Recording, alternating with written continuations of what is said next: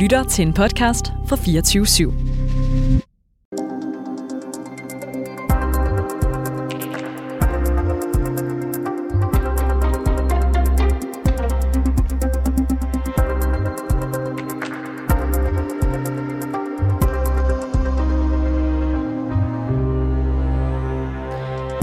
Hvad vil det egentlig betyde for dig, hvis flyselskabet SAS gik hen og lukkede fra i dag? Til synlædende så er det altså ikke noget, der betyder alverden for os danskere. Det kan du høre lidt senere her i reporterne, hvor vi selvfølgelig også skal se nærmere på den tragiske ulykke, der ramte Tivoli Friheden torsdag eftermiddag. Det her, det er reporterne. Mit navn, det er Sofie Ørts.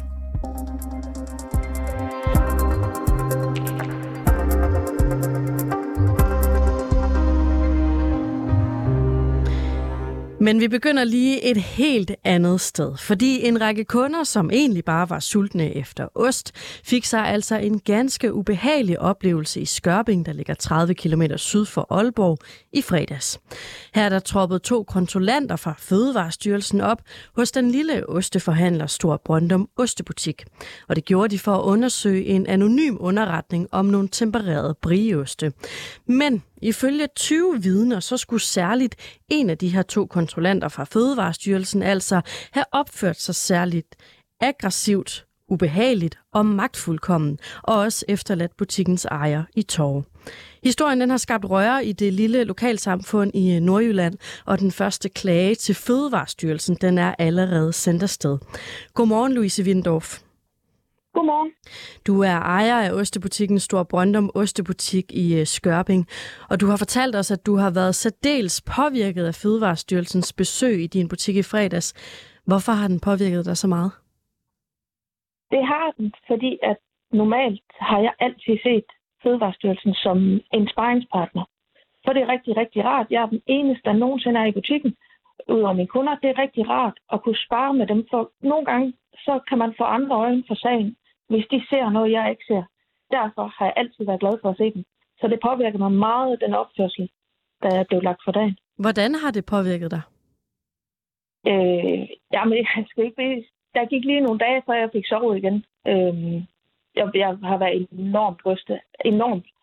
Øh, jeg er ikke vant til at blive behandlet igen. Øh, så det, det, var bare det var helt utroligt svært. Og også det at opleve, at, at mine kunder de blev behandlet på den måde. Mm. Og vi vil gerne forsøge ligesom at finde ud af, hvad det egentlig er, der er foregået, og hvad der er op og ned i det her. Vil du ikke lige prøve kort at fortælle, hvad det er, øh, du oplever, da Fødevarestyrelsen dukker op ved din butik i fredags? Jamen altså, det jeg oplever, det er, altså, der står jo en pokkers masse kunder, kunder fordi det, sådan er det bare altid. Fald fredag og lørdag. Øh, og de, øh, jeg, der er allerede nogle kunder, der spotter måden for og siger, har du set, de er der? Jamen, det er super fint. De kommer så ind, og øh, han går, den ene konsulent går direkte hen til, øh, jeg har sådan en kølemonster, som vel og mærke er slukket bevidst, og begynder at tage de her øh, tempererede brier, som jeg har haft til at ligge, som faktisk er lovlige have til at ligge. Jeg må gerne temperere, eller bryde den her kølekæde, som man siger inden for den her branche, mm. når det er til udvikling. Men han mener, det er forkert, og, øh, og det er så det, jeg ender med at få et bødeforlæg for. Øh, bøden har jeg dog ikke modtaget. Siger han Men noget han til dig? også op og dis- ja, han, han vil både diskutere med mig og med kunderne. Nu er jeg enormt konfliktsky, så, så du kan ikke diskutere med mig i det hele taget. Øh, jeg bryder sammen i stedet for, i det han går i flæske på kunderne også. Det, det var virkelig, det er helt surrealistisk stadig. Du siger, at han går i flæsket på kunderne. Hvordan oplever ja. du det? Det oplever jeg ved, at øh, kunderne de går jo til ham, fordi de mener, at han er voldsomt arrogant og ubehøvelig i den måde, han taler til mig på. Øh, og det, der er det, om man kan sige, de slår nærmest ring om mig, de kunder. De, det er nogle vanvittige kunder, jeg har altså. Fordi så noget finder de sig bare ikke i. Mm. Og der begynder han så at diskutere med dem i stedet for. Og de skal bare passe deres, og så passer han sit. Og han er jo ikke her. Han får vist ovenikøbet sagt for at få min forretning op. Okay. Ja, og der, der klappen er, er allerede gået ned for mig der. Jeg hører ikke en fløjten fis mere, fordi det er så, det er så vanvittigt. Og der er flere af dine øh, kunder fra den dag, som har fortalt os, at da kontrollanterne de øh, ankommer for at undersøge de her tempererede brioster, så, øh, så står de uden for din butik og ser, at øh, osterne de bliver pakket ned i en kasse. Øh, og det er mm. efter sine derfor, at kontrollanterne de vælger at storme ind i din butik. Hvorfor pakker ja. du dem egentlig ned i en kasse? Jeg, jeg pakker ikke noget ned i en kasse. Det, der sker, det er, at der står en kunde i butik, altså, når, man ved godt, når der kommer to kontrollanter, så er det på grund af en eller anden øh, anmeldelse eller underretning. Og han ved udmærket godt, at jeg har haft lagt et opslag op omkring de her tempererede brier, og han vidste udmærket godt, at de kunne finde på at gå efter dem, til trods for, at der intet ulovligt er i at gøre det. Så han tager dem, og så siger han, ved du hvad, Louise, jeg køber dem her. Og der kommer de så ind og flår det her fra ham at han skal overhovedet ikke, og det skal han bare lægge, og der er med Jesus. Du siger, du har lagt et opslag op omkring det. Er det, fordi du har skrevet på Facebook, at øh, du har det?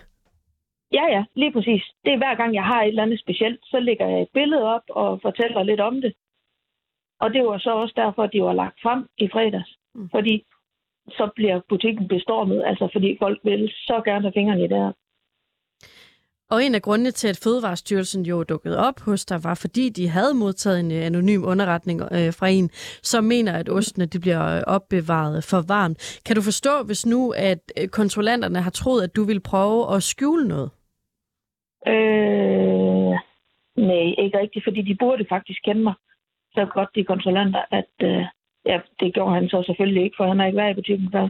Men de andre burde udmærket vide, ellers så vil jeg jo aldrig nogensinde lægge noget op det er jo helt almen praksis, at når du øh, går ind og skal lagre på noget jamen så tempererer du det højere end de her almindelige 5 grader.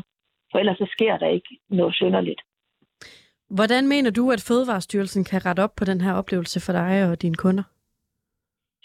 Det er svært at sige. Altså, det eneste, jeg jo i virkeligheden ønsker, det er, at der ikke andre, der oplever det samme. Hvordan Fødevarestyrelsen vil sørge for, at der ikke er det, det må guderne vide.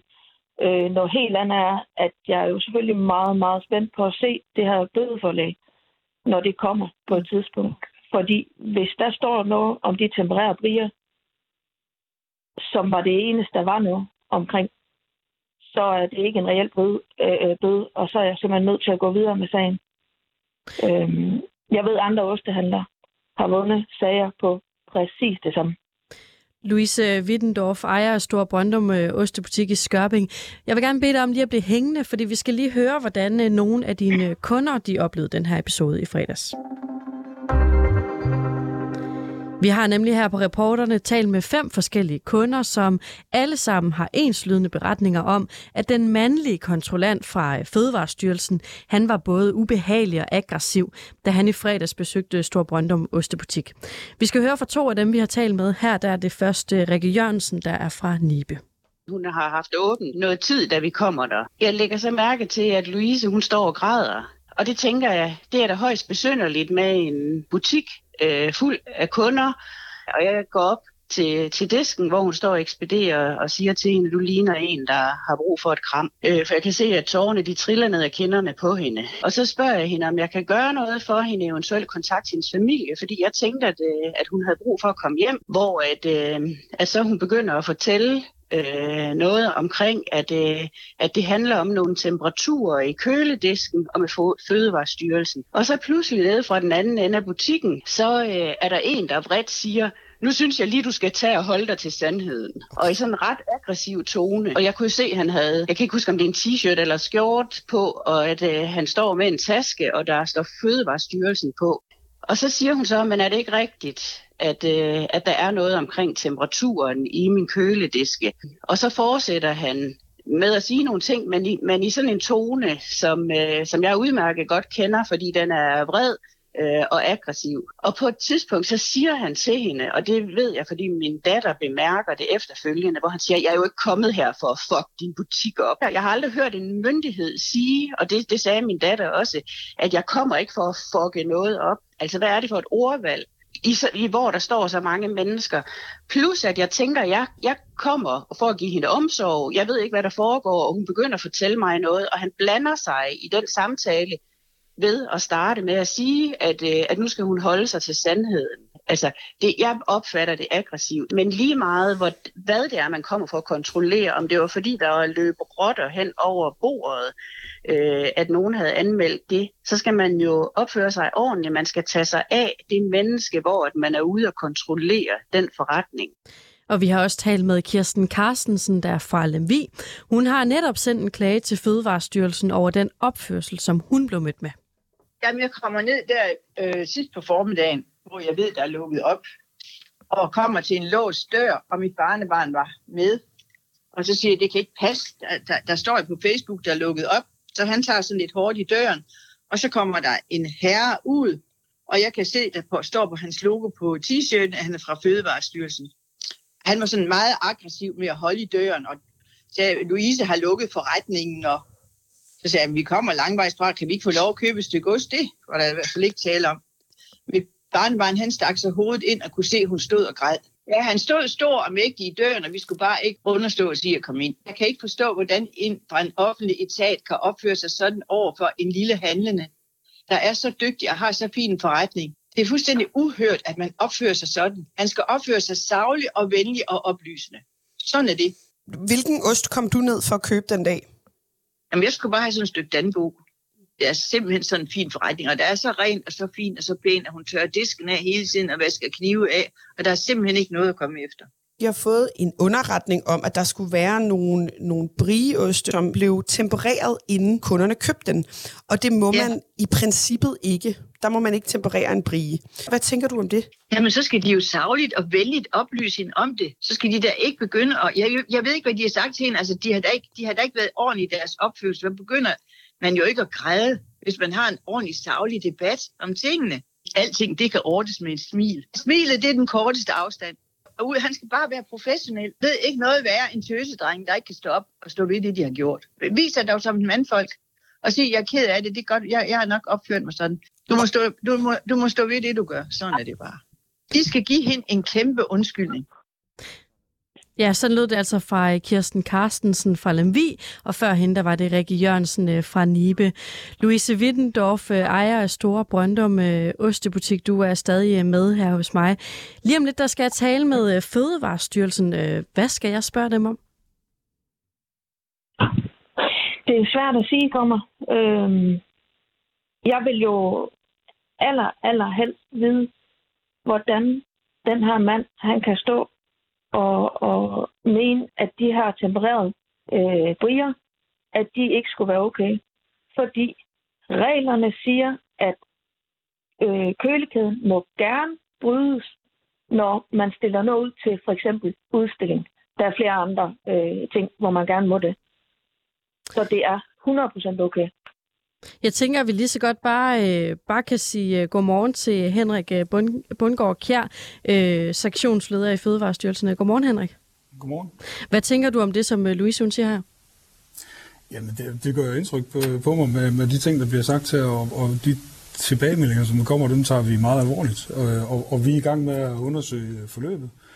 Og jeg talte med Louise i tirsdags, øh, hvor vi, øh, hvad hedder det? Havde vi har lige en, øh, vi har lige en, øh, et insekt eller et eller andet i vores øh, øh tekniske system øh, lige nu.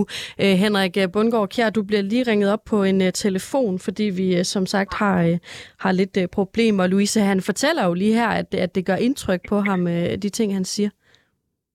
Ja, altså indtryk vil du altid gøre. Så er spørgsmålet, man agerer på det. Mm. Jeg prøver lige at se nu, om, øh, om vi ikke skulle have Henrik med på en, øh, en uh, telefon. Henrik øh, Bundgaard øh, Kjær, er du øh, med her nu? Ja, nu er jeg med, ja. Så får du lov til at svare øh, en gang til. Hvad tænker du om de ting, der bliver sagt i den her sag? jeg ved ikke, om jeg fik sagt, at, at, at jo selvfølgelig gør det indtryk, det der lige er blevet sagt, og også det, der er sket, hvad hedder det, altså, og, og vi tager jo tilbagemeldingerne meget alvorligt. Øh, lige nu der er vi i gang med at undersøge forløbet, øh, og i tirsdags der talte med Louise øh, og fortalte hende også der, at øh, vi givet det indtryk, at vi har efter både over for hende øh, også over for hendes kunder. Og så også, at det, altså, der kan have været mange grunde til, at øh, hvad hedder sådan et tilsyn, det ikke falder godt ud, som det så er sket her. Øh, og problemet lige nu, det er jo, at jeg kan jo ikke sidde og, hvad hedder det, sagsbehandle her i medierne på, på, på en aktuel sag. Men altså, jeg kan jo sige, øh, altså generelt, at, at vi ved jo af erfaring, vi laver mange tilsyn hver år, at øh, det kan være ubehageligt for virksomhedsejere eller den ansvarlige i en øh, virksomhed, når vi kommer på kontrol. Øh, og det, det er jo selvfølgelig fordi, at vi kommer jo som udgangspunkt uanmeldt. Øh, det i sig selv øh, kan, jo, kan jo være svært øh, at håndtere. Mm. Det kan også være, at man har en, en baggrund i virksomheden, hvor at man har en halvsur eller en sur smiley, som vi kommer på at følge op på. Det kan også være, at øh, man kommer på baggrund af et, øh, en anonym anmeldelse, eller bare en anmeldelse, hvor der er andre, der har, har, har anmeldt butikken. Og det kan også være, at man bare har det, det svært i situationen, når der sker noget nyt. Øh, øh, jeg tænker, øh, lidt ligesom jeg sidder her, det, jeg har et, øh, et job, hvor jeg ikke gør det her normalt, så det her det er også meget svært for mig, fordi... Ja, jeg tillader mig lige at stoppe stop, ja, stop der her. Louise har, har egentlig fortalt os, at Fødevarestyrelsen har været forbi uh, til, uh, til uanmeldte kontroller uh, flere gange, mm. og det plejer ja. at være en, en god oplevelse. Du har tidligere sagt til, til Nordjysk, at du ikke kan se, hvad I har gjort galt i den her sag. Fastholder du, at jeres kontrollanter de handlede helt efter bogen uh, i fredags? Jamen, som sagt, så jeg kan jo ikke sidde og sagsbehandle her i, i eller hvad er det, sammen med dig på radioen. Jeg kan ikke snakke om den aktuelle sag. Jamen, så, tag, så lad os tage, tage generelt. Mm. Der bliver sagt, ja. at uh, en af jeres uh, kontrollanter opførte sig aggressiv og intimiderende. Er det okay, at en kontrollør fra Fødevarestyrelsen opfører sig på den her måde? Det er ikke okay, at man opfører sig, som du siger der, hvad hedder det, og det er ikke det, der er meningen med vores kontroller. Det skal helst være nogle gode kontroller, som Louise også fortæller, at hun har haft tidligere. Uh, og det skal helst være nogle kontroller, hvor der er et samspil, hvor vi, hvor vi er medspillere på øh, den kontrol, vi er ude at lave. Men man skal også huske på øh, vores formål, at vi er ude at kigge på fødevaresikkerheden. Vi er ude og kigge på, at der ikke er nogen, der bliver syge af den mad, de, øh, de spiser. Og det det er jo det, vi skal sørge for. Så derfor så er vi både medspillere, men vi er jo også modspillere, fordi vi er kontrollanter, og vi skal kontrollere, at virksomheden lever op til de regler, som, som der er opstillet. Ja, men kan det retfærdiggøre, at øh, man opfører sig øh, ubehageligt over for både virksomhedsejere og kunder? Altså, vi er jo myndighedspersoner, og man skal selvfølgelig opføre sig ordentligt. Det kan jo ikke sige andet til, men igen, den, den aktuelle sag kan jo ikke sidde og diskutere. Mener du, at butiksejer Louise Wittendorf skal have en undskyldning for den her oplevelse? Jamen, jeg tænker, jeg har talt med Louise i tirsdags, øh, hvor vi talte om, hvad der var sket. Øh, og hvor jeg også har beklaget over for hende, at hun har haft en, en skidt oplevelse, og også hendes kunder har haft en dårlig oplevelse. Louise, hvad tænker du om øh, det, der bliver sagt her? Jamen, det er svært, fordi jeg forholder mig altså på en nogen måde til alt det her. Først og fremmest så ser jeg dem aldrig. Jeg har aldrig, hedder det, før set dem som en modspiller. Svært imod. Så det er slet ikke sådan noget, det handler om her. Det her, det var ren og skær ringe opførsel fra en kontrollants side. Mm. Og der er så uhyre mange vidner på det her, at de simpelthen er nødt til at bare at bede det i sig og sige, ved du hvad, de to konsulenter mod de 20 kunder plus mig, det skulle være pudsigt, at det er os alle sammen, der lyver. Henrik øh, Bundgaard Kjær, kan Louise Wittendorf ikke godt have en pointe her? Jeg siger ikke, at der er nogen, der lyver, øh, men jeg siger, at vi, vi tager det jo til os, øh, og, og det er ikke vores mening, og hvad hedder det, efterlade noget dårligt indtryk. Og, og når vi har sådan nogle situationer her, så hiver vi også al den læring ud af det, vi kan. Øh, og, og vi kommer meget ud af at uddanne vores folk i øh, kommunikation og fremtoning, når vi er ude, fordi vi skal fremstå som myndighedspersoner, når vi er ude. Så hvad er det for en læring, I kunne tage med herfra? Det er det, vi er ved at se på. Men hver gang vi har øh, nogle, øh, hvad hedder det, nogle tilsyn, hvor det ikke øh, går efter det, der er planlagt, så tager vi den med hjem og taler om det, og så finder ud af, hvad kan vi gøre bedre næste gang. Og det gør vi også her. Henrik Bundgaard Kjær, mm. sektionsleder i Fødevarestyrelsen. Tak fordi du var med. Det var så lidt. God. Også øh, tak til dig, Louise Wittendorf. Du er ejer af Store øh, Brøndum øh, Ostebutik i Skørping. Tak fordi du var med her. Selv tak. Som sagt, så skete Fødevarestyrelsens besøg altså på baggrund af, at Store Brøndum Oste tempererer sin brieost ved stuetemperatur frem for at sælge den direkte fra køleren. Vi har besøgt en af Danmarks ældste ostebutikker for at blive klogere på, om det egentlig er et problem at sælge en ost, der ikke står på køl. Reporter Rassan El Kip besøgte butikschef Maria Klemmesen i den odenseanske ostebutik Klingenberg Ost. Vi er lidt mere her i Danmark, at alt skal være på køl. Og det er bare, faktisk bare ikke sådan, det forholder sig altid med ostene. For eksempel sådan noget som øh, gedeoste og sådan noget.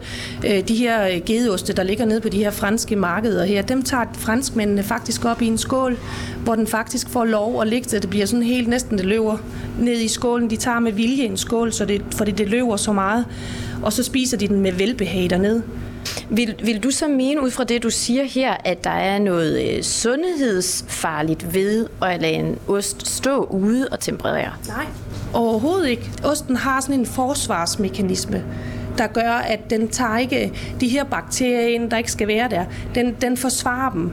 Så derfor, så, hvis der er en ost, der bliver lidt dårlig, så vil det altid sætte på skorpen, og det vil du altid kunne skrælle af. Osten vil aldrig blive gammel. Tror du, det er fordi, vi er øh, bakterieforskrækket? Ja, det tror jeg. Der skal ikke så meget til. Så det, at kunderne op i, i den her butik i Nordjylland øh, beder om at få øh, osten stillet ud en halv time eller en time før øh, de køber den, det ser du ikke noget problem Ej. med sig? Nej, det gør jeg bestemt ikke. Det er, det er ligesom det skal være. Hvad er det, der er så godt ved en tempereret briost? Det er jo den her øh, karakteristiske smag, der kommer frem. Og lige præcis den her Bridimo, øh, den har vi valgt øh, at prøve at lade dig smage, for ligesom at, at, at, at kunne smage den her forskel, der er fra den får en god temperatur. Det er de to øh, brioser, du har taget frem her Det er lige præcis. i, i dagens anledning. Det er en øh, Bridimo, en øh, hvidskimlet, upasteuriseret brie, som øh, kommer fra Frankrig, nærmere Paris-området. Øh, Og hvad er det så, der skulle være forskellen på den her kolde, som jeg kan mærke har været i køleren, og så den, der har stået ude? Hvor lang tid har du ladet den stå nu? Den har stået i øh, cirka en halv time ude øh, ved en god stuetemperatur. Øh, og det, der gør, det er, at den får noget meget mere smag. Jeg kan jo også se forskel, ikke? Den er jo Den sådan... lever lidt nu, Bridimoen her, og du kan jo se, som det er. Den er bare super flot i skorpen, hvid skorpe og gylden i osten. Øh, mega lækker ost, den her. Frem for den her, som har stået på køl, og den fejler bestemt heller ikke noget. Den smager også rigtig dejligt, og det er jo igen, der er vi jo meget forskellige. Øhm, så jeg tænker, du lige skal prøve at smage, og så kan du lidt bedømme, hvad du synes. Nu ved jeg ikke, om du er til stærke oste. Det smager jo godt. Mm. Ja. Og der er jo den her fine modnede brie, som har bare fået lidt mere smag og lidt mm. Og det smager man. Mm, det kan man tydeligt smage. Ja. Franskmændene, de vil sige, at det er perfekt.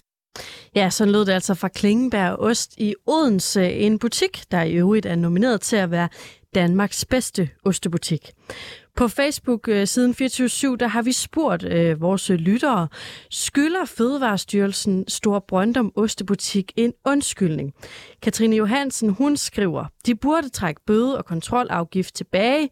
Det vil være en passende del af undskyldningen. Og Karoline Gadegaard skriver, pinligt, at Fødevarestyrelsen i ramme alvor påstår, at 20 personer decideret lyver, de burde tage ansvar.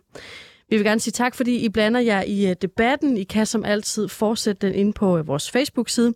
Du skal bare søge på 24 og så kan du følge kommentarsporet lige der.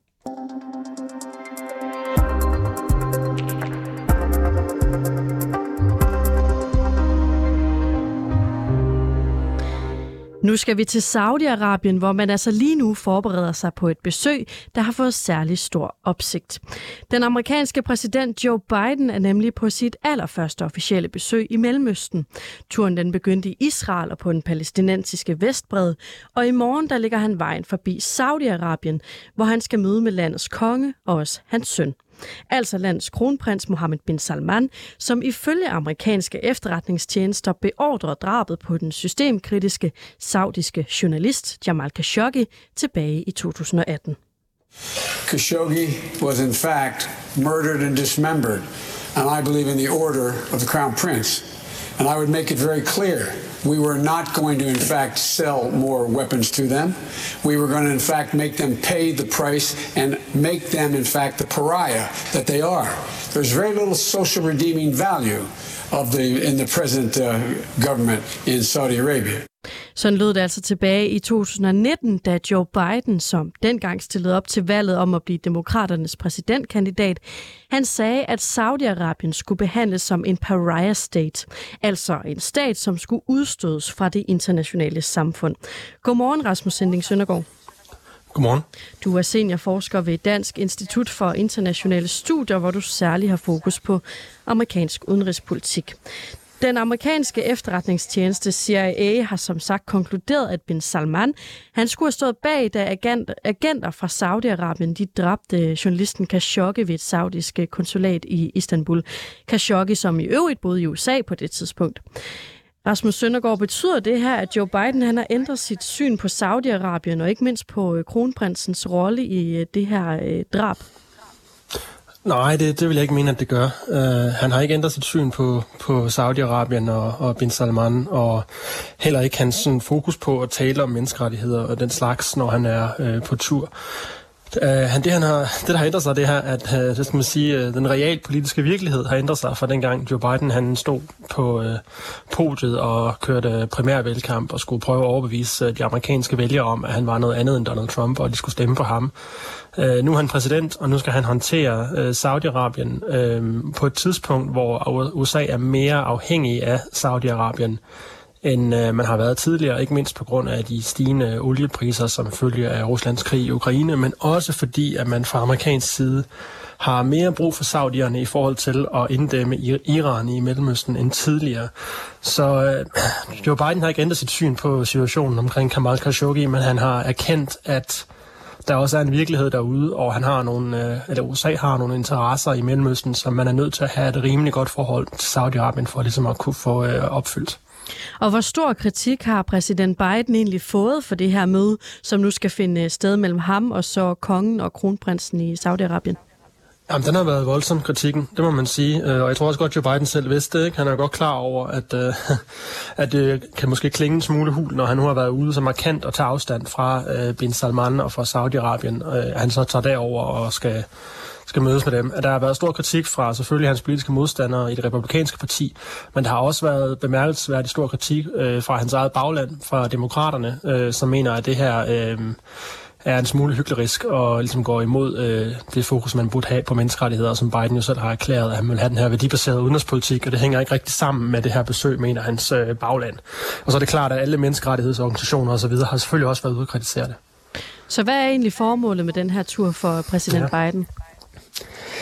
Altså, han skrev jo en, øh, en længere artikel i, en artikel i Washington Post, hvor han ligesom prøvede at forklare det for folk øh, og lade væk på, hvorfor det var nødvendigt.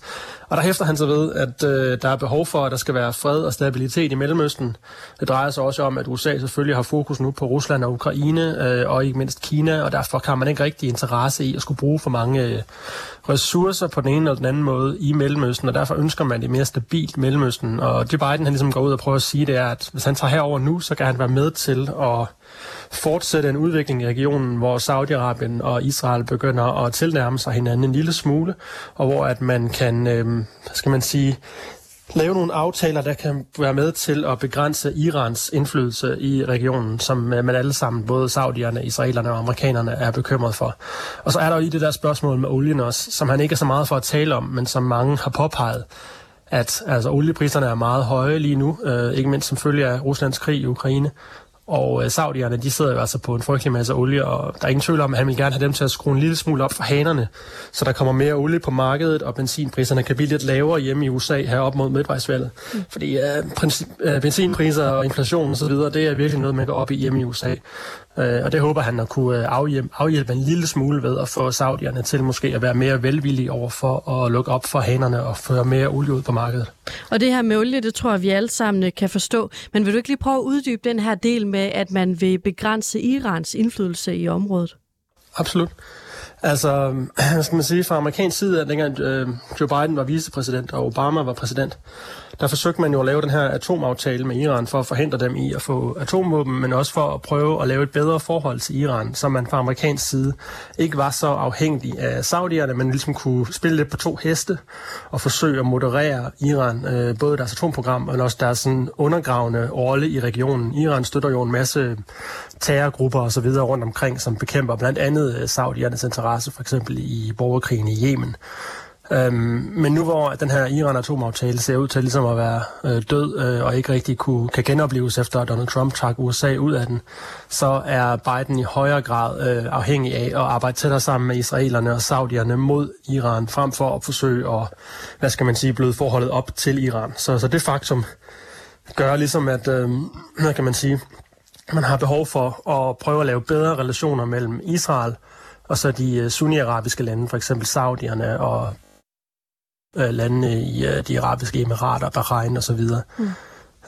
Så det, det går på. Øh, forsøge at knytte tættere bånd mellem USA's allierede, der er regionen, som jo tidligere ikke har haft så godt et forhold til hinanden. Mm. Men der er ligesom et uh, tødbrud undervejs, hvor Israel begynder at få mere uh, normaliseret forhold til nogle af de her arabiske lande, som de traditionelt jo har været uh, meget, uh, hvad skal man sige, gensidigt fjendtligt indstillet over for hinanden. Og præsident Bidens stab har inden den her tur oplyst, at præsidenten han ville lade være med at give håndtryk. Øh, deres forklaring var, at det var på grund af faren for at blive smittet med corona. Og det kunne jo så også give ham en årsag til ikke at give hånd til den saudiarabiske øh, kronprins øh, bin Salman. Men det holdt altså ikke særlig længe, fordi Joe Biden han har allerede givet hånd til flere israelske borgere på sin øh, tur til Mellemøsten. Hvordan vil det egentlig blive opfattet, hvis nu den amerikanske præsident han trykker hånd med den saudiarabiske kronprins? Jamen, det er jo klart, at alle de her folk, der har været efter Joe Biden, har kritiseret ham for at tage afsted.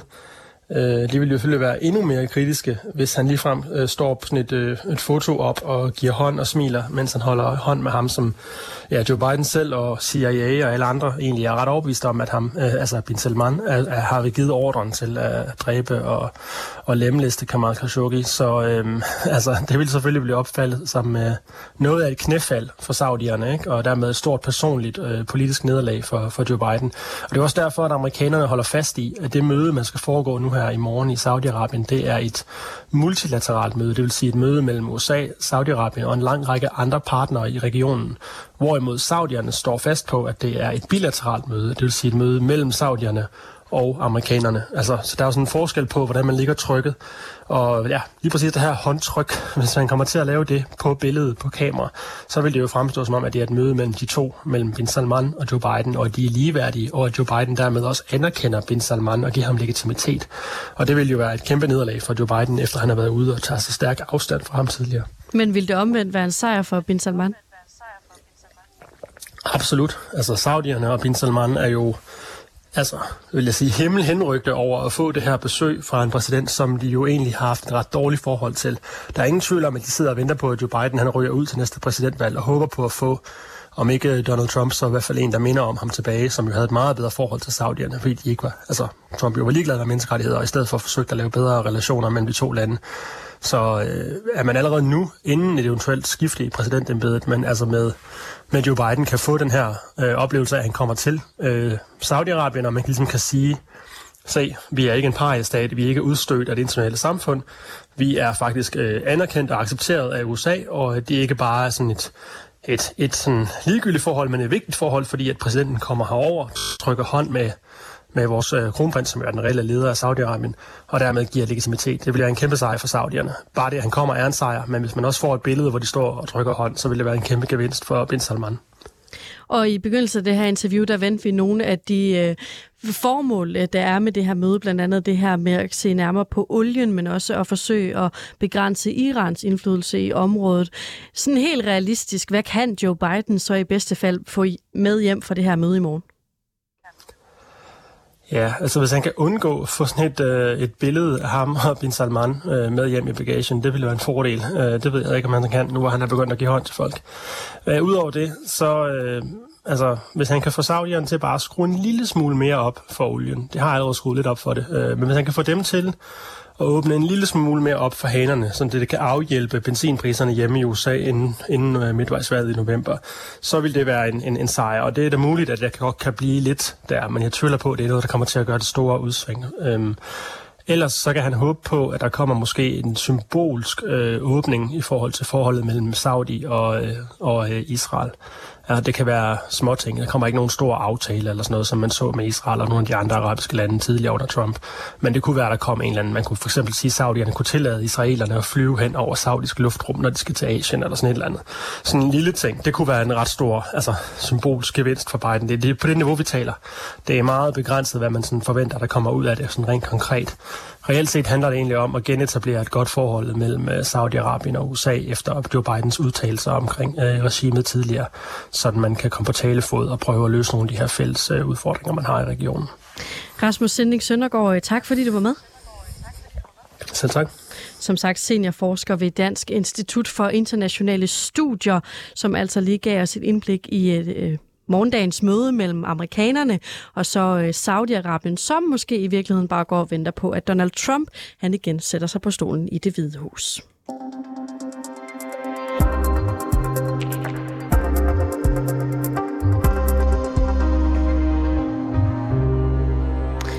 1000 piloter i flyselskabet SAS strækker fortsat. Flyene de står parkeret i lufthavnen, og danske sommergæster ser langt efter deres rejser. Beskyldningerne de har bogstaveligt talt fløjet mellem de to parter, SAS og Dansk Pilotforening, de seneste uger. Og overenskomstforhandlingerne de spidser til, og der er stadig ikke en aftale på bordet. Sten Erik Navbjerg, velkommen til programmet. Tak for det. Du er arbejdsmarkedsforsker ved Forskningscenter for Arbejdsmarkeds- og Organisationsstudier, der hører under Københavns Universitet. De her forhandlinger de har jo været i gang i flere måneder, og i sidste uge der brød de så sammen, og piloterne de i gang sat en strejke. Nu sidder de to parter jo så ved forhandlingsbordet i Stockholm igen. Er der egentlig en udløbsdato for, hvornår de skal have en ny kontrakt på plads? Det har man ikke aftalt i den her situation. Det, det gør man jo normalt øh, i, i de danske forhandlinger, øh, i hvert fald når der er en forlisende helt over. Men nu er der tre forskellige forhandlingssystemer på spil her fra Norge, Sverige og Danmark. Øh, og der har man øjensynligt ikke aftalt en udløbsdato på det her. Øh, men man skal jo finde en løsning, så, så nu bliver man hængende så lang tid, man overhovedet kan. Øh, fordi der skal jo, det skal jo løses det her. Men hvor længe har de råd til at gøre det her? Jamen, det er jo så det næste spørgsmål, fordi det koster jo for begge parter. Det er jo ikke kun SAS, selvom det bliver fremhævet igen og igen, at SAS øh, taber noget, der ligner 90 millioner kroner om dagen. Der er jo også en strækkekasse, som, der, som skal betale øh, piloternes løn i den her sammenhæng, eller erstatning for løn i den her sammenhæng. Så for begge parter, så er det meget omkostningsfuldt. Øh, og lige nu ser det jo ud til, at SAS er tabt tæt på øh, 1 milliard danske kroner øh, allerede i konflikten. Og den store hovedpine, den ligger jo faktisk i, at SAS skal spare penge. Men udover de her øh, ret klassiske punkter, som for eksempel løn, fleksibilitet og goder i overenskomsten, så er Dansk Pilotforening også træt af de her datterselskaber, som SAS har oprettet. Det er dem, der hedder SAS Connect og SAS Link. Kritikken den går på, at de her to øh, selskaber, de truer den danske model. Gør de det? Ah, det er måske lidt meget at sige, at der er et firma, der kan tro hele den danske model. Der, det, det er førhen set, at firmaer finder andre forretningsmodeller, og SAS er jo presset meget hårdt til at finde en forretningsmodel, som kan, kan være rentabel i den her sammenhæng, og de skæver jo til, selvfølgelig til, til lavprisselskaberne, som, som Ryanair, EasyJet osv., hvad de har gjort. Øh, og de laver blandt andet sådan nogle datterselskaber af forskellige arter. Så det er jo det, man gør. Man er jo udsat for en international konkurrence, hvor man har nogle andre forretningsmodeller end dem, der måske lige passer sig godt til den danske model. Men det betyder ikke, at hele den danske model den går nedenom og hjem. Der kan være bestemte brancher, hvor den danske model passer mindre godt til, øh, fordi der er så hård international konkurrence. Og hvad kunne det være for nogle øh, brancher? Jamen, vi har jo set det tidligere blandt syrskerne i 80'erne, som, øh, hvor, hvor produktionen forsvandt ud til Portugal i første runde, og så til Sydøstasien senere. Vi har også set det inden for slagterierne, hvor der bliver slagtet stadig øh, færre svin i Danmark, men til gengæld bliver de så slagtet i Tyskland, hvor arbejdslønningerne er lavere. Det, der bare sker mange gange, det er jo så også, at man rykker rundt på værdikæden, og det vil så sige, at mange af de bedre jobs faktisk bliver i Danmark. Det vil sige, at i dag er det jo rigtig mange designjobs, der findes i Danmark, selvom der ikke er så mange syriske job. Øh, og sådan noget tilsvarende kan man se i andre brancher. Og efter en uges øh, strejke, så har SAS jo så inviteret piloterne tilbage til øh, forhandlingsbordet, som sagt. Og i går, der kom der endnu en gang en ny og opsigtsvækkende udtalelse om det her næste skridt fra SAS' side. SAS åbner nemlig op for muligheden for at søge om det, der hedder en frigørelse fra kontrakterne med SAS Scandinavia. Hvad betyder en frigørelse? Jamen, det betyder i princippet, at man har en konflikt, der er så, så tung og så vigtig, øh, at man også vurderer, at man egentlig ikke har lyst til at fortsætte med at have en, en arbejdsmarkedsrelation med, med modparten. Øh, og det vil sige, at man vil gerne frigøre sig fra den overenskomst, man allerede har. Man må også sige, at det er et meget sjældent træk, øh, det her, og det forundrer i hvert fald mig lidt, at man øh, midt under forhandlingerne kommer med det her udspil fra, fra SAS side. Man er lige sat sig til forhandlingsbordet, man skal faktisk række hænderne ud nu og prøve at finde et samarbejde. Og det er en relativt skrab udmelding at komme med, når man lige har sat sig til forhandlingsbordet. Hvad kan det betyde for piloterne? Jamen, det kan jo betyde, at, at de bliver tilsvarende sure øh, og ikke har lyst til at, at give sig så meget. Men det virker jo som om, at de faktisk øh, har nogle ganske gode forhandlinger. Måske har set det her som, som et udspil, der, der måske bare var et dårligt timing i første runde i hvert fald. Som du siger, så er det et øh, ret øh, vildt træk, øh, det her overordnet. Så har der altså været ret mange øh, opsigtsvækkende udtalelser i pressen under de her forhandlinger. Hvor atypisk er det egentlig, øh, set med dine briller, at overenskomstforhandlingerne på den her måde bliver øh, ja, kommenteret på fra de involverede parter, imens de er i gang? Ja, man kan sige, at i forhold til medierne er der altid øh, to faser. Der er den fase, hvor forhandlingerne pågår, det er det, der sker lige nu.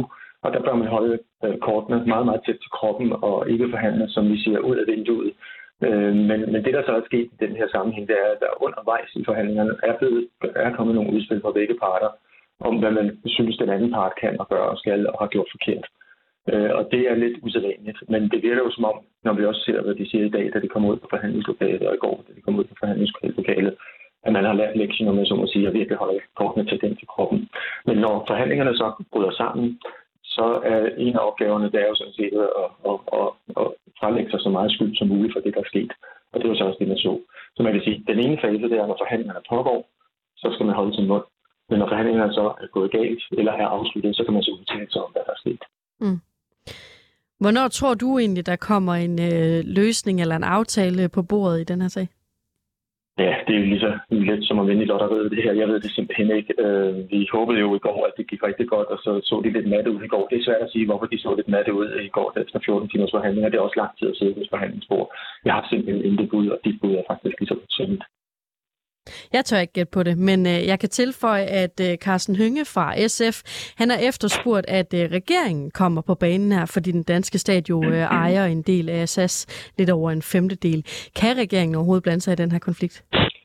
Nej, egentlig ikke. Øh, det, det her det er jo nu et børsnoteret selskab, det vil sige, det skal drives som en privat virksomhed. Det, der så er pointen med lige nøjagtigt SAS, det er, det er jo et traditionelt nordisk selskab. Øh, på engelsk hedder det en flag carry, det vil sige, at selskabet bærer jo det flag, som de nordiske lande har, og dermed er en stolthed. Og derfor så, så blander man sig i det, fordi man opfatter det stadigvæk som et offentligt selskab. Men formelt set vil man sige, at øh, parterne, altså de politiske parter, har jo faktisk bedt om, at det her selskab skal drives på private præmisser, det vil sige øh, i forhold til markedsbetingelserne. Øh, og så er spørgsmålet, om man skal blande sig i det. Det er der altså nogen, der synes, de skal. Øh, men formelt set, ja, så må man sige, så er det et privat selskab, der drives efter private forhold. Mm. Sten Erik Nabjerg, tak fordi du var med. Ja, selv tak. Tak fordi jeg måtte. Som sagt, arbejdsmarkedsforsker ved Forskningscenter for Arbejdsmarkeds- og Organisationsstudier, der hører under Københavns Universitet. Hvad vil det betyde for dig, hvis flyselskabet SAS gik hen og lukkede? Det er et spørgsmål, som er ganske relevant at stille i de her dage, hvor SAS og Dansk Pilotforening som sagt har genoptaget overenskomstforhandlingerne. Og ifølge en ny måling, der er foretaget af Megafon for Politikken og TV2, ja, så ser 32 procent af de adspurgte danskere det altså ikke som en prioritet, at SAS skal bevares. Vores reporter Mathias Stilling han tog til Københavns Lufthavn for at høre lufthavnspassagererne om, hvad det egentlig vil betyde for dem, hvis SAS ikke fandtes længere. Hvad vil det betyde for dig, hvis at øh, SAS lukkede i morgen? Uh, jeg er så glad for, at jeg ikke skal rejse med SAS, men uh, hvis de er lukket i morgen, jeg synes egentlig, det er okay. Jeg synes, det er forkert, at man har folk i udlandet, som ikke kan komme hjem. Jeg synes, det er helt fuldstændigt. Der må staten gå ind. De ejer af det, så de må også være, være med til at støtte det og sørge for, at folk kommer hjem. Så du er egentlig ligeglad med SAS? Jeg er egentlig fuldstændig ligeglad med SAS, når de opfører sig på den måde, som de gør. Det synes jeg, der vil være ærgerligt for hele selve lufthavnen. Altså, det har meget betydning her i Danmark, at vi har SAS. Hvad vil det værste være, hvis SAS lukkede? ja, hvad vil det værste være? Jamen, det er jo alle de afgange, der bliver aflyst, og alle de feriegæster, der skulle være. Ja, og så tænker jeg, at det har en stor betydning for Københavns Lufthavn. Er du selv øh, på vej, eller har du været ude at rejse? Jeg har været ude at rejse. Hvem har du fløjet med? Vi fløj med Ryanair. Vil du tage øh, SAS, hvis at du skulle ud og rejse om en måned eller to? Nej, nok ikke som det er lige nu. Det tænker jeg ikke. Men uanset hvad, så vil det ikke være øh, helt ligegyldigt, hvis SAS øh, drejede nøglen rundt. Nej, det synes jeg ikke. Hvad ville det betyde for dig, hvis øh, SAS lukkede i morgen for eksempel? Det ved jeg simpelthen ikke. Jeg undgår jo SAS nu. For det ved jeg ikke. Jeg flyver med DAT til Karp, og nu er jeg lige afleveret mit barnebarn og været altså fra Aalborg Lufthavn. Vi undgår DAT lige nu. Hvad med, øh, Eller SAS. hvad med øh, SAS generelt? Er det noget, du har brugt meget? Ja, før i tiden har jeg faktisk brugt det, når jeg skulle være helt sikker på, at jeg kom frem til den destination i udlandet, som øh, jeg tog mine børn med til. Hvad vil det betyde for dig, hvis SAS lukkede i morgen? Ikke det store, tror jeg. Ingenting? Nej, det ved jeg, det ved jeg ikke, altså. Hvis øh, SAS lukkede i morgen, hvad vil det betyde for dig? Jeg tror ikke, det vil betyde noget. Jeg vil bare vælge et andet selskab. Hvorfor det? Fordi at, øh, så ustabile test de er, så, øh, så regner jeg ikke med dem. Hvem øh, vil du foretrække at flyve med, hvis at, øh, nu at situationen den ikke var sådan, at SAS de, øh, havde noget problem for, for tiden? Jamen, så vil jeg, tror jeg, vil tage SAS, fordi det er et delvist dansk selskab. Så øh, det vægter højt, at det er et dansk selskab? Ja, altså, hvis de altid lever op til en god service, så, og, og priser ikke de er okay, så, så vil jeg vælge et selskab. Hvad vil det betyde for dig, hvis SAS lukkede i morgen? Altså, det vil nok ikke betyde så meget for mig personligt, men det vil nok betyde rigtig meget for København, både i form af arbejdspladser, og fordi at det jo er det, der gør, at vi har Københavns Lufthavn. Det er vel en tredjedel af afgangene. Så vi ville få flere steder, hvor vi skulle flyve andre steder hen og flyve videre, hvis vi skulle ud i verden. Og det vil nok være skidt for virksomhederne især, men også for os andre, når vi gerne vil ud i verden. Synes du, det ville være meget ærgerligt, hvis øh, SAS lukkede? Altså, hvis det er rigtigt, det får konsekvenser for virksomhederne i København det omfang, så vil det være rigtig mange arbejdspladser, det vil være rigtig mange penge, og det vil da være ærgerligt for os alle sammen. Men øh, hvis at det hul det kunne udfyldes af for eksempel KLM eller Air France, så ville det være øh, ligegyldigt.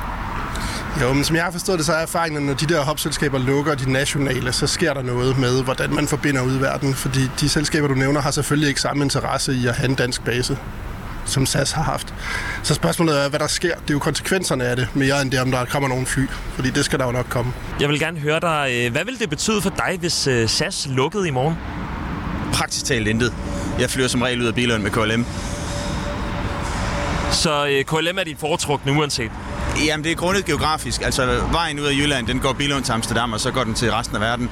Det er grundet et enkelt direkte fly til Kroatien, at jeg flyver ud af Kastrup i dag. Så SAS har ikke nogen betydning overhovedet for dig. Hvad hvis at det lukkede? Vil det ikke være ærgerligt for sådan, øh, hvad kan man sige, dansk øh, flytrafik, hvis at vores øh, danske stolthed lukkede? Øh, nej. Helt ærligt, nej. vi, er, vi skal se os selv som mere internationale, end, end vi gør. Den der med at se på, at vi skal kunne det hele selv i et luftfartsselskab, og vi skal smide penge i det for på en eller anden måde at understøtte noget, der tydeligvis ikke er rentabelt. Det er ikke vejen frem for at gøre det billigst for forbrugerne heller. Ja, så fandt vi også ud af, at vejen ud af Jylland, den går med KLM via Amsterdam. Det var øh, Mathias Stilling, øh, der talte med passagerer ude foran øh, Københavns Lufthavn, og forhandlingerne mellem SAS og piloterne, de fortsætter altså igen i dag.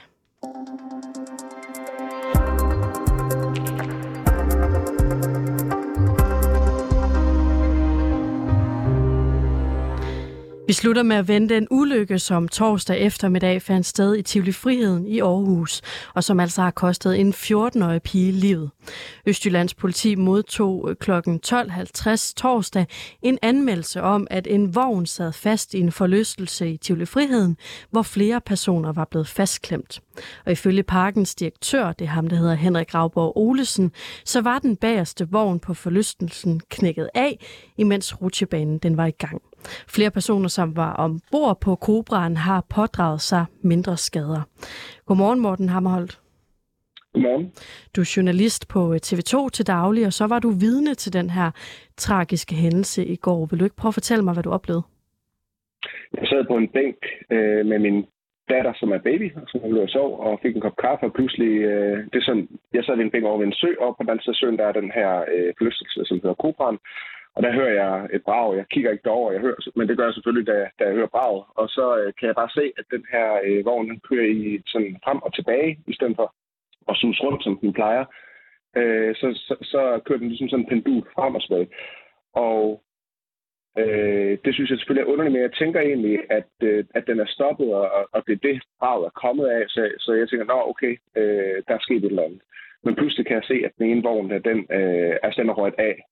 Øh, det er sådan en bensvinger, hvor man hænger med benene nedad, og det vil sige, at den hænger sådan ovenover, og der hænger den ikke længere. Den hænger ind under den, øh, den vogn, der er foran. Og så, øh, så spurgte jeg det over faktisk til at starte med, så, så jeg kalder på min kæreste, at hun lige skal tage over på vores baby. Og så øh, løber jeg der over, fordi jeg tænker først, øh, altså du ved, er der andre vogne, der er faldet af? Så jeg aner ikke, hvad der er sket. Jeg tænker, øh, først kan der være brug for hjælp. Det er faktisk derfor, jeg løber der over, fordi der, jeg tænker, der kan være kaos derovre. Øh, og, og, og, og der er brug for, at der er nogen, der tager fat eller et eller andet. Og så kan jeg jo så kan jeg se, da jeg kommer derover, at der er øh, den her ene vogn, som øh, heldigvis er det jo kun én vogn, som så har sluppet grebet derop, men fordi den hænger sammen med de andre vogne, så er den ligesom øh, hvad hedder det, øh, sat sig fast, altså sat sig i klemme ind under den anden vogn, for i stedet for at falde til jorden, så ryger den sig ind under den anden vogn, og, og der sidder altså to mennesker, øh, kan jeg se. Jeg kan se den ene fra min synsvinkel, og det er en dreng, det er så ham, vi, vi ved øh, har det nogenlunde, og øh, han sidder og bevæger sig. Øh, så, så jeg bliver egentlig rolig, da, da jeg ser ham, for jeg tænker, øh, når hvis han har det godt, så det sikkert det samme med den anden, men tænker umiddelbart, at de har været ude for det samme. Øh, og så øh, på et tidspunkt, der, der skifter jeg position og løber ned et andet sted. Øh, fordi jeg faktisk tænker, der, ikke, der kommer ikke nogen ud til de der mennesker, der, der, der gik rimelig lang tid før den første kom ud til dem. Øh, og jeg ville i nærheden af eventuelt for at tale med dem, fordi jeg kunne høre, at han begyndte, han begyndte at råbe om hjælp. Øh, men så kom der også en dernede, der kunne jeg så se hende den anden. Øh, der kunne jeg se hendes ben, mm. og, og der stod jeg bare og ventede på at øh, få noget bevægelse derfra, og det, det fik jeg desværre ikke, før vi så ret kort tid derefter blev bedt om at forlade området. Og hvornår øh, gik det op for dig, at der var noget helt galt? Øh, jamen, det gjorde det først, øh, da jeg... Øh, altså, efter jeg så havde, havde dækket det for TV2, fordi de ringede mig op. Jeg er ikke på arbejde, jeg er på barsel.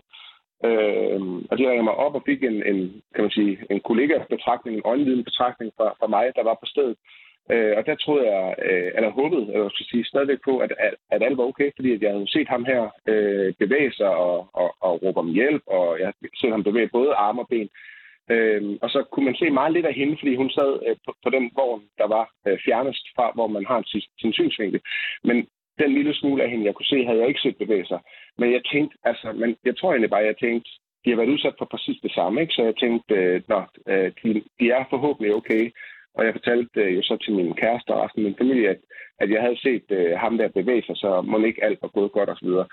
Øhm, men øh, ja, så havde jeg så øh, fortalt om hele oplevelsen til TV2, og der er så en kollega, der, der, der er rigtig sød og, og skriver med mig bagefter om, øh, hvordan jeg selv har det, og bum, bum, bum, bum, bum og, og hun øh, lidt tid senere, der sender hun mig så den her triste besked om, at, øh, at, øh, ja, at hun er afgået ved døden, den ene der. Øh, og det kan jeg så godt regne ud jo, øh, også fordi det var en pige, og jeg kunne se, at det var en dreng, der sad i den venstre vogn, at, øh, at det var så hende derovre, hvor jeg ikke havde set noget bevægelse fra. Du siger det her med, at du havde en opfattelse af, at der gik ret lang tid, før der var nogen, der reagerede på den her øh, ulykke. Hvordan oplevede du stemningen øh, blandt folk, der var inde i Tivoli Frihed på det tidspunkt? Øh, folk var målløse. Altså, øh, altså, jeg oplevede ikke et eller andet du ved, panik, eller øh, huden og hegn, eller skrigen, eller råben, eller noget som helst, men, men egentlig sådan helt stille, og folk, der bare stod og kiggede ind. Selvfølgelig, der var der nogen, der kom med nogle kommentarer. Sådan. Øh, men ja, sådan en forlystelse er jo selvfølgelig øh, hvad er det, omkranset af, af noget gitter, og inde på selve, altså inde under der, hvor den der bensvinger, den suser rundt, der er der sådan noget jerngitter, som, øh, eller sådan en jernpæle, som går hen over noget, noget, der øh, altså, minder om en sump, altså noget vandagtigt.